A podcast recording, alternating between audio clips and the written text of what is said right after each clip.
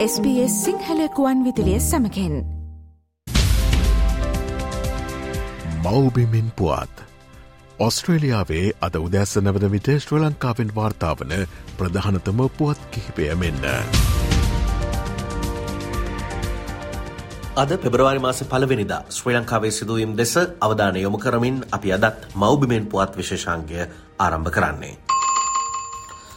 සනත් නිශාන්ත හිටපු රාජ්‍යමාත්‍යවරයාගෙන් හිස්සුණු ඔහුගේ අභාවේ නිසා හිත්සුණු ජලසම්පත් කල්පනා කරන රාජ්‍යමාත්‍ය දුරේ ඊයේ දවසේ ශශීන්ද්‍ර රාජපක්ෂ රාජ්‍යමාත්‍යවරයා දිවුරුම් දුන්නා.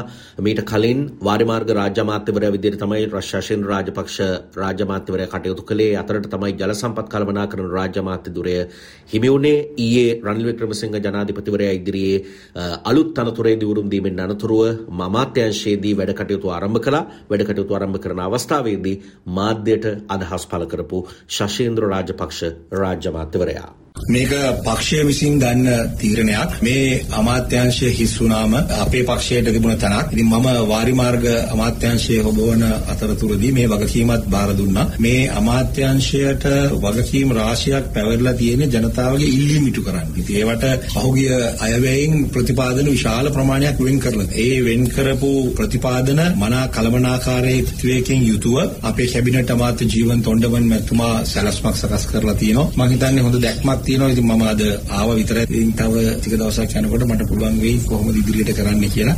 ජනාධිපතිතුමාන්ගෙන් ඒකට අවශ්‍ය පූර්ණ සහයෝගය ලබා දෙන බව එතුමා ඊටම පැහැදිලිව ප්‍රකාශ කළා. සනත් නිශාන්ත රාජ්‍ය අමාත්‍යවරයා වෙනුවෙන් හිස්සුණු පාර්ලිමේන්තු මන්ත්‍රී ධුරය සඳහා ඊළඟට ලැයිස්වේ වැඩිම මනාප ලබාගත්තු ජගත් ප්‍රියංකර මහතා පත්කිරීමට අදාළව ගැසට් නිවේදනය ඊයේ දවසේ නිකුත් කරලා තිබුණා. මන්ත්‍රී ධූරයක් වෙනුවෙන් පුරපාඩු තියෙනවා කියලායි පාර්ලිමේන්තු මහලේකම්වරයා මැතිවරණ කොමිෂන් සභාවට දැනුම් දුන්නේ. ඒ අනුව ඒ ධූරයට ජගත් ප්‍රියංකර මහතා තෝරාපත් කරගන්ත කියලා මේ නිවේදනයනුත් පාර්ලිමේන්තු මහලේකම්වරයා මැතිවරණ කොමිෂන් සභාවට දැනුම් දීලා තියෙනවා. දෙදස් විස්සේ පාර්ලිමේන්තු මැතිවරණයේදී ශ්‍රී ලංකා පොදු ජන පෙරමුණ නියෝජනය කරලා පුත්තලම දිස්ත්‍රික්කෙන් මනාප ලැයිස්තුවේ හයවන ස්ථානයට පත් වනේ ඔහු පස් දෙනෙක් පාර්ලිමේන්තුවට තේරී පත් වුණා ඔහුට මනාප ඡන්ද 40527ක් ලැබිලා තිබුණා. ඒ වගේම ඔහු විමල් වීරවංශ හිටපු අමාත්‍යවරයා නායකත්වයේ දරන ජාතික නිදහස් පෙරමුණේ පුත්තලම දිස්ත්‍රික් නායකයා විදිහටත් කටයුතු කරලා තියෙනවා. ඒ අනුව ඉදිරියේදී ඔහු පාර්ලිමේන්තු මන්ත්‍රීවරයෙක් විදිහට කතානායකවරයා ඉදිරියේදී පාර්ලිමේන්තුවේ දිවුරුම් දෙන්න නියමිතයි. පෙරේද දවසේ කොළඹදී පැවැත් වූ සමග ජනබලවේගය සංවිධානය කළ විරෝධතාවට පොලිසිය කඳුළු ගෑස් එල්ල කිරීම සම්බන්ධයෙන් සමග ජනබලවේගය ඊයේ දවසේ අදහස් පළ කළා. කොළඹ තිබුණු මාධ්‍ය හමුවකට එකතු වුණු පක්ෂේ මහලේකම් රංජිත් මද්දුම් බණ්ඩාර පාර්ලිමේන්තු මන්ත්‍රීවරයා සඳහන් කළේ විරෝධතාවට කඳුළු ගෑස් ජල ප්‍රහාර එල්ල කිරීමට එරෙහිව මූලික අයිතිවාසිකම් පෙත්සමක් ගොනු කරනවා කියලා. කොහොමුණත් මහජනාරක්ෂක අමාත්‍යවරයාට ඒ වගේම නීතියට ගරුණු කරන පොලිස් නිලධාරීන්ට එරෙහිව මේ ආකාරයට පෙත්සම් ගොනු කරනවා කියලා සමග ජනබලවේගේ මහලේකම්වරයා රංජිත් මද්දුම් බණ්ඩාර පාර්ලිමේන්තු මන්ත්‍රීවරයා කියා සිටියා. රනිල් රාජපක්ෂව ගෙදර යවන් ඊයේ කොළඹට දසදහස් ගාණක් ජනතාව රුක් වුණා. මේකට හොඳටම බය වුණ රනිල් වික්‍රමසිංහ මහත්මයා ටිර්හන් අලස්ගේ පොලිසිය යොදලා අනීතිකව මෙලෙච්ච විදියට මේ සාමකාමී විරෝධතාවයට පහර දුන්නා. මේවා කළා අපිව නවත්තන්න වෙන්නේ නැහැ. ටිර්හන් අලස්ටත් පොලිසියේ නීතියට ගරු කරන්නේ නැති අධිකරණ තීන්දුවට ගරු කරන්නේ නැති අයට විරුද්ධව මූලික අයිතිවාසිකම් පෙස්සමක් අපි ගොනු කරනවා. පසුගිය සතියේ රනිල් වික්‍රමසිංහ ජනාධිපතිවරයා ගොඩනැගිලි කිහිපයක් විවෘත කරන්න කැලණිය විශ්වවිද්‍යාලයට පැමිණීමට විරෝධය පළ කරපු විශ්වවිද්‍යාල සිසුන් විරෝධතාවක නිරත වුණා. කොළඹ නුවර මාර්ගයේ අවහිර කරමින් පැවැත්වුණු විරෝධතාවට පොලිසිය මැදිහත් වෙලා විරෝධතාව නවත්වන්න කටයුතු කරලා තිබුණා. කොමුණත් ඊයේ දවසේ රනිල් වික්‍රමසිංහ ජනාධිපතිවරයා විරෝධතා සලකන්නේ නැතුව කැලණිය විශ්වවිද්‍යාලයට ගිහිල්ලා තියෙනවා. පාලි හා බෞද්ධ අධ්‍යයන ආයතනයේ අලුත් ගොඩනැගිලි පරිශ්‍රය විවෘත කරන්න තමයි මේ සහභාගී වෙලා තිබුණේ. ඔහු ඒ විවෘත කරලා තියෙනවා උදේවරුේ මේ ගොඩනැගිලි කිහිපය. එතකොට මේ සිසුන් පරිපාලන ගොඩනැගිලි වලට ඇතුල් වෙන්න බැරි වෙන්නේ ඒවා වහලා තියලා කලින් දවසේ විරෝධතාවලත් නිරත වෙලා තිබුණා. මේ පැමිණීම ජනාධිපතිවරයාගේ පැමිණීම සිද්ධ කරන්න එපා කියන කාරණේ ඉල්ලමින් පාලනාධිකාරියනුත් ඒ සම්බන්ධයෙන් විශ්වවිද්‍යාල සිසුන් ප්‍රශ්න කරලා තිබුණා. කොහොමවත් ඊයේ දවසේ ජනාධිපතිවරයා කැලණි විශ්වවිද්‍යාලයට ගිහිල්ලා අදාළ පාලි හා බෞද්ධ අධ්‍යයන අංශයේ ගොඩනැගිලි විවෘත කරන්න කටයුතු කරලා තිබුණා. බිඳවැටී තිබෙන ශ්‍රී ලංකාවේ ආර්ථිකය හිසෝසවන්නේ කවදද කියලා ජනතාව අවධානයෙන් ඉන්නවා. ඊයේ දවසේ ෂෙහන් සීමසිංහ මුදල් රාජ්‍ය අමාත්‍යවරයා සඳහන් කළා රටේ පවතින ආර්ථික අර්බුදය ලබන ජුනි මාසයේ ඉඳලා ක්‍රමානුකූලව අඩු වෙනවා කියලා තමන් විශ්වාස කරනවා කියලා.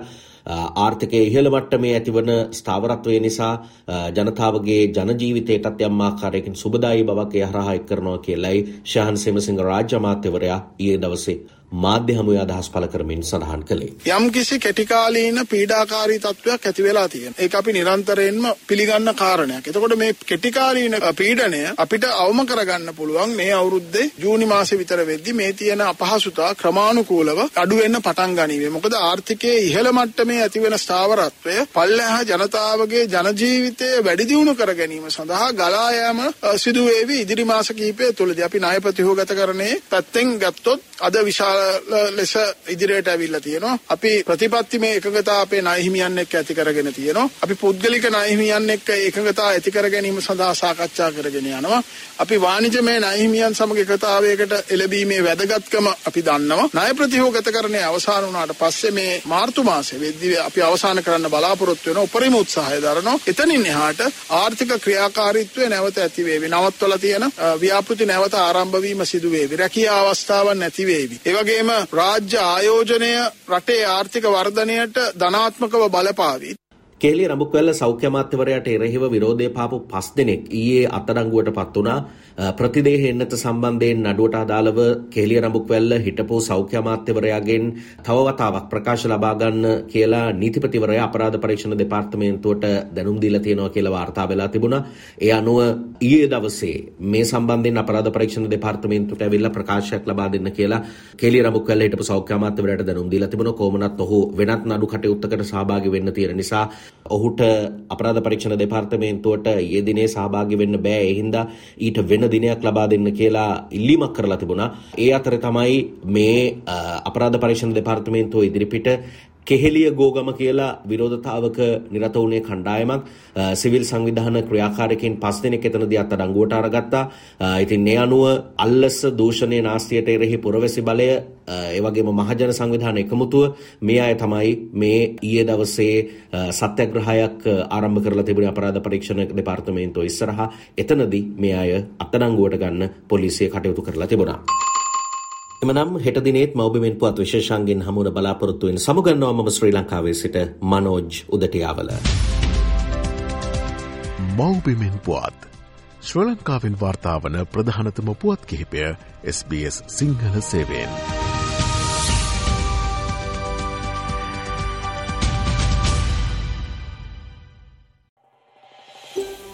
මේ වගේ තවත්තොරතුරු දැනගන්න කැමතිද. එහෙමනම් Apple podcast Google podcast Spotify ඔබගේ පොඩ්කාස්ට ලබාගන්න ඕනෑම මාතයකින් අපට සවන්දය හැකේ.